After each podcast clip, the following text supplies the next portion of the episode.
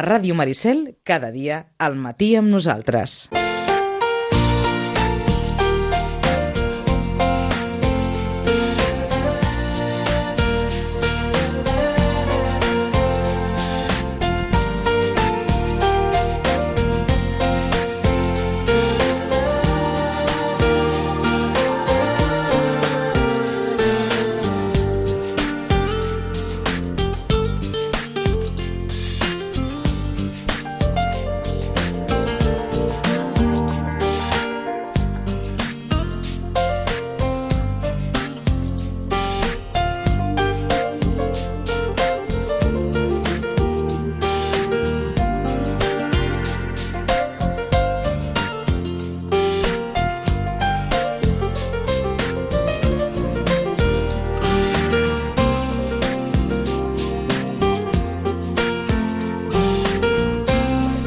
Doncs un minut passa de tres quarts d'onze del matí. Eh, espai de les... Eh, agenda de les eh, biblioteques, eh, com sempre amb la Marta Sánchez. Marta, bon dia. Hola, bon dia. Eh, dia plujós, dia bo per refugiar-se, oi? A llegir sí, una miqueta. I tant, sí, sí. A més que s'està tranquil als matins, són uh Mhm. -huh. estones aquestes, jo crec, de, com d'autoregal, eh? Correcte, Anar un doncs- matí a la biblioteca, una tarda, eh? Una però, tarda. Igual, però que és una estona d'autoregal. Mhm.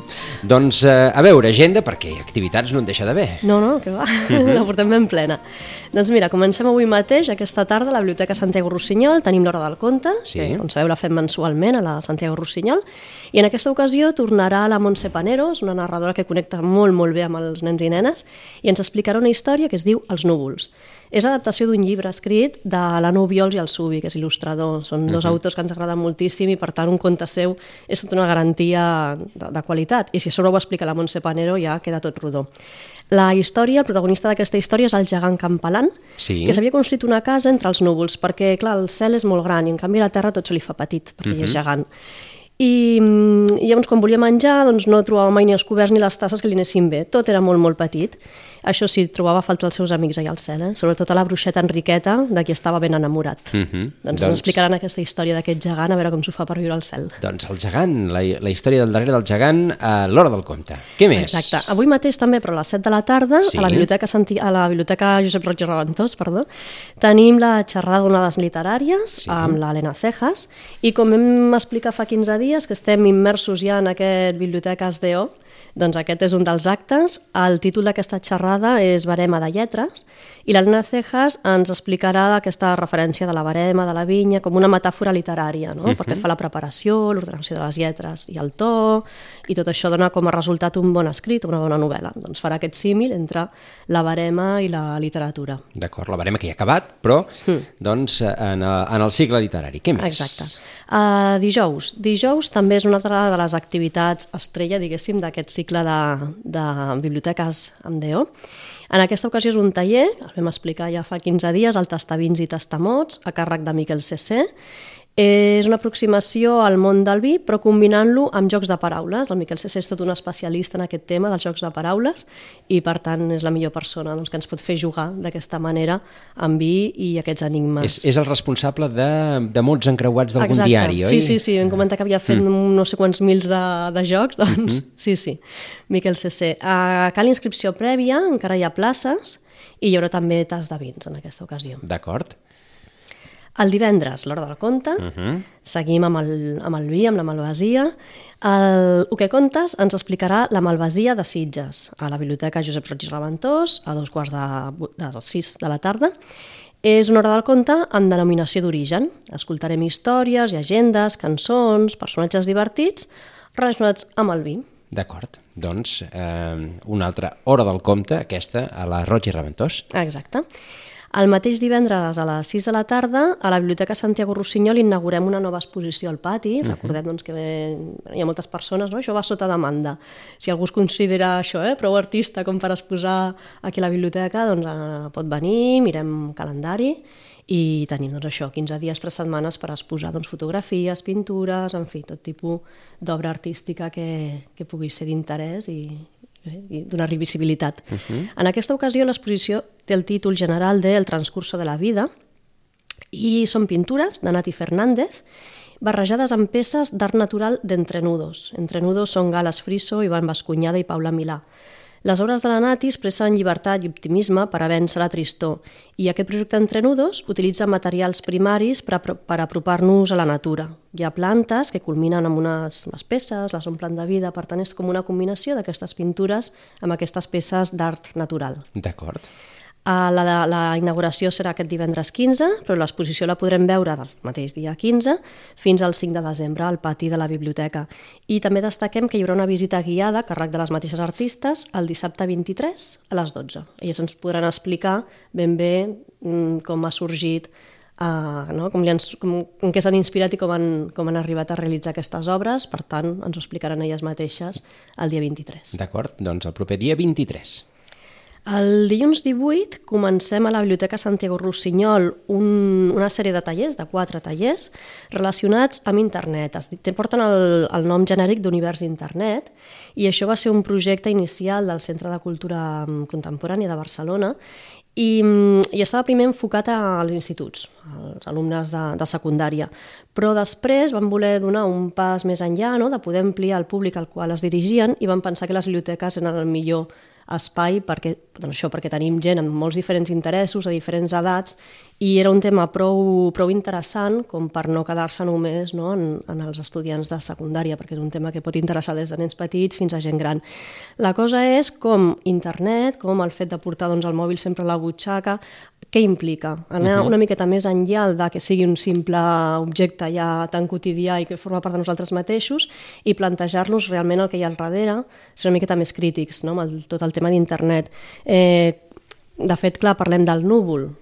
Bueno, el núvol no és un núvol, no és una cosa que estigui mm, pol·lulant per allà sense una cosa física, sinó que tot, tot, el, tot internet és físic, té unes connotacions físiques, hi ha uns cablejats, hi ha uns grans ordinadors. Doncs tot això ho hem de saber i en aquests tallers, amb una part una miqueta més teòrica, per dir-ho d'alguna manera, explicarem tot això, i també hi ha una part pràctica, no? com, de, com també de joc. Llavors, en aquesta ocasió, en aquest primer taller, que és el taller que és el dilluns dia 18, mmm, ens, bé, des de Sitges mateix, no? des de la nostra realitat més propera, doncs ens hi una miqueta d'imaginació, eh, sabrem com funciona tota aquesta xarxa física de cables, d'antenes, no? de, de tot el que comporta després poder tenir accés a internet. Aquest primer taller es diu Construint la xarxa. Uh -huh. El segon, bueno, hi ha un que és sobre la privacitat, la, la privacitat de les dades, un altre que és sobre l'impacte ecològic i el quart que és el futur d'internet, cap a on pot arribar tot això. D'acord. Uh, cal inscripció? Com no, funcionarà? No, no cal inscripció. Aquests uh -huh. quatre primers tallers són oberts a tothom, tothom que li interessi, animem a, a venir, perquè també és això, no? que és un projecte nou, que al darrere doncs, porta molt de, de treball, de, vull dir que, és, que no és que l'hem inventat nosaltres, vull dir que tots els materials estan molt treballats, han passat per altres biblioteques, que, que han anat millorant doncs, aquest projecte inicial, i, mm, i llavors aquests són oberts per tothom, no cal inscripció prèvia uh -huh. i bé, doncs en base a l'experiència d'aquests quatre primers, doncs llavors sí que també ho hem proposat de fer-ho a instituts o si algú, doncs, algun col·lectiu té un interès especial, doncs també es poden tornar a fer. D'acord. Uh, quan seran aquests tallers? El primer és... El... Aquest el dilluns 18 sí? i els següents dilluns. Dilluns, és a dir, seran uh -huh. durant quatre dilluns Exacte, consecutius. Exacte, els dos últims de novembre i els dos primers de desembre. Perfecte, doncs uh, gent interessada en doncs, eh, en conèixer què hi ha darrere d'això tan fàcil que, que, és, que és internet ara mateix. Eh? És que entro i pum, i, doncs darrere d'aquest pum hi ha milers de coses i doncs, en aquests tallers es podran descobrir algunes d'aquestes milers. Uh -huh. Dimarts 19, a dos quarts de sis, a la Biblioteca Santiago Rossinyol, tenim un altre Bibliolab, aquests tallers també, uh -huh. però que serveixen per aprendre coses de manera co-creativa. En aquesta ocasió el protagonista serà Joan Brossa, el Bibliolab es diu Sopa d'imatges i lletres i anirà a càrrec del taller, que és els mateixos que ens van fer l'últim sobre Leonardo da Vinci, que va ser molt, molt interessant. Uh -huh. Fer una màquina voladora, un aparell volador.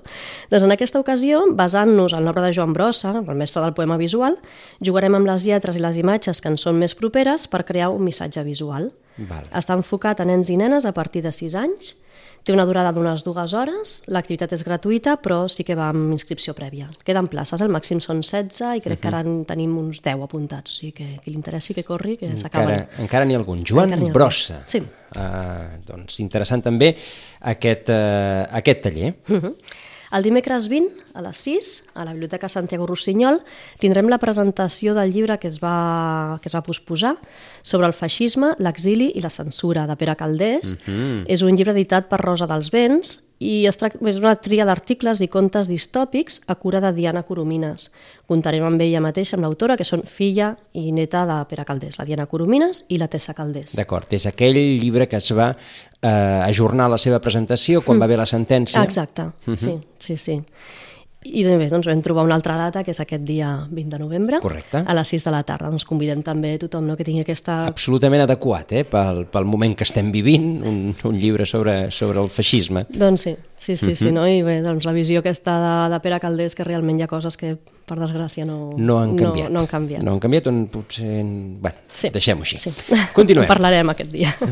Dijous 21 a la Biblioteca Santiago Rossinyol, dos quarts de set, una xerrada, la musicoteràpia com a vehicle per a moure les emocions, que és el que ens provoca la música, perquè quan sentim una cançó ens va a vegades directes al cor o directes als records i ens fa, no?, de dir, ostres, hem fet un salt enrere al sentir aquelles, aquells primers acords d'una cançó, això ens uh -huh. passa. Què és el que ens toca la música tan directament? Doncs això ho aprendrem amb l'Andoni Leiva, de Yume, psicologia i musicoteràpia, i aprendrem d'una manera teòrica i també pràctica de quina manera la música influeix a les nostres vides, com ens pot també ajudar a alliberar tensions, a emocionar-nos, a relaxar-nos, a abocar records, el que dèiem. El divendres 22, a les 10, uh -huh. a la Biblioteca Santiago Rossinyol, tornem a fer el cicle de xerrades per nouvinguts, principi doncs, estan enfocades a les persones que fa poquet no? que han arribat a Sitges, a Catalunya. En aquesta ocasió és una xerrada informativa sobre l'adquisició de la nacionalitat espanyola. Els ajudarem a resoldre els dubtes que, sorgeix, que sorgeixen durant tot aquest procés, tots aquests tràmits que de vegades doncs, poden ser farragosos, no? quan has arribat de lloc on a un lloc, doncs, si et pot donar aquest cop de mà amb aquests tràmits, doncs està molt bé. És una activitat gratuïta, dirigida això a la ciutadania, ciutadania nouvinguda, sigui comunitària o extracomunitària, i es divideix en dues parts. La primera, de 10 a 12, és una xerrada feta uh -huh. pel Servei de Drets Civils de la Regidoria de Drets Socials, Ciutadania i Igualtat de l'Ajuntament, i de 12 a 1 aprofitem, i ja que els tenim a la biblioteca, doncs els hi fem una visita. que coneguin quin és... profit poden treure de la biblioteca, que vegin l'edifici. És un dels serveis bàsics I tant. de la població i, per tant, doncs, uh -huh. eh, es pot aprofitar. Eh, xerrada pels nouvinguts. Exacte, de 10 a 12 i de 12 a 1 a la visita. El divendres 22, a la Biblioteca Josep Roig i Reventós, a dos quarts de sis, hora del conte. Contes de nenes valentes, a càrrec de la Sara Genovart. Són contes per la igualtat de gènere. A través de diferents històries viatjarem de la mà del respecte, de la diversitat social, de la igualtat... Cal anar recordant aquests temes. Cal també. anar recordant aquests temes, sí, abans parlàvem del feixisme, oi? Sí. Cal anar recordant aquests temes. Sí, sobretot Xa... això, no? Amb els nens, les nenes, els pares que tenim nens també, no, no oblidem de, de què els expliquem, de com, no? aquest tema del respecte, sobretot. El divendres 23 a les 12 recordem que tenim la, la visita guiada, aquesta exposició que comentàvem abans, el transcurso de la vida, sí. a càrrec de les artistes Nati Fernández i Galas Friso. I em sembla que estem acabant ja aquests 15 dies, déu nhi eh? Déu, déu nhi és que jo, jo anava mirant el rellotge i dic, en sem, no sé si tindrem temps d'acabar-los. Res, doncs el dimarts 25 tenim aquest segon taller de l'univers internet, Eh, el dimarts 26, la presentació d'un conte, El tresor del Calau, de Meritxell Margarit, il·lustrat per Pilar Mena. Ah, sí, és, és un conte sobre el Calau Bicorne, que és una au fantàstica i enigmàtica, els dibuixos de la Pilar Mena, una delícia, uh -huh. i la història, doncs bé, també recomanada, molt. Doncs molt interessant també, eh, tot i que podrem fer referència d'aquí a 15 dies quan tornem a recuperar aquest espai, aquesta agenda de les biblioteques. Agenda farcidíssima avui, és a dir que eh, activitats gairebé diàries que poden gaudir entre els, eh, la malvasia, entre uh -huh. les hores del compte o fins i tot doncs, aquesta proposta interessant a partir de dilluns que ve de eh, com funciona l'internet. Marta, moltes gràcies. Gràcies a vosaltres. Ens retrobem d'aquí 15 dies. I a tots vostès també ho deixem aquí, a partir de les 11 no hi ha notícies, no hi ha notícies, per tant, doncs, eh, res, ens aturem un, un momentet i a la tercera hora d'aquest eh, matí amb nosaltres conversarem amb el regidor d'Esports, Jaume Monasterio. Fins ara.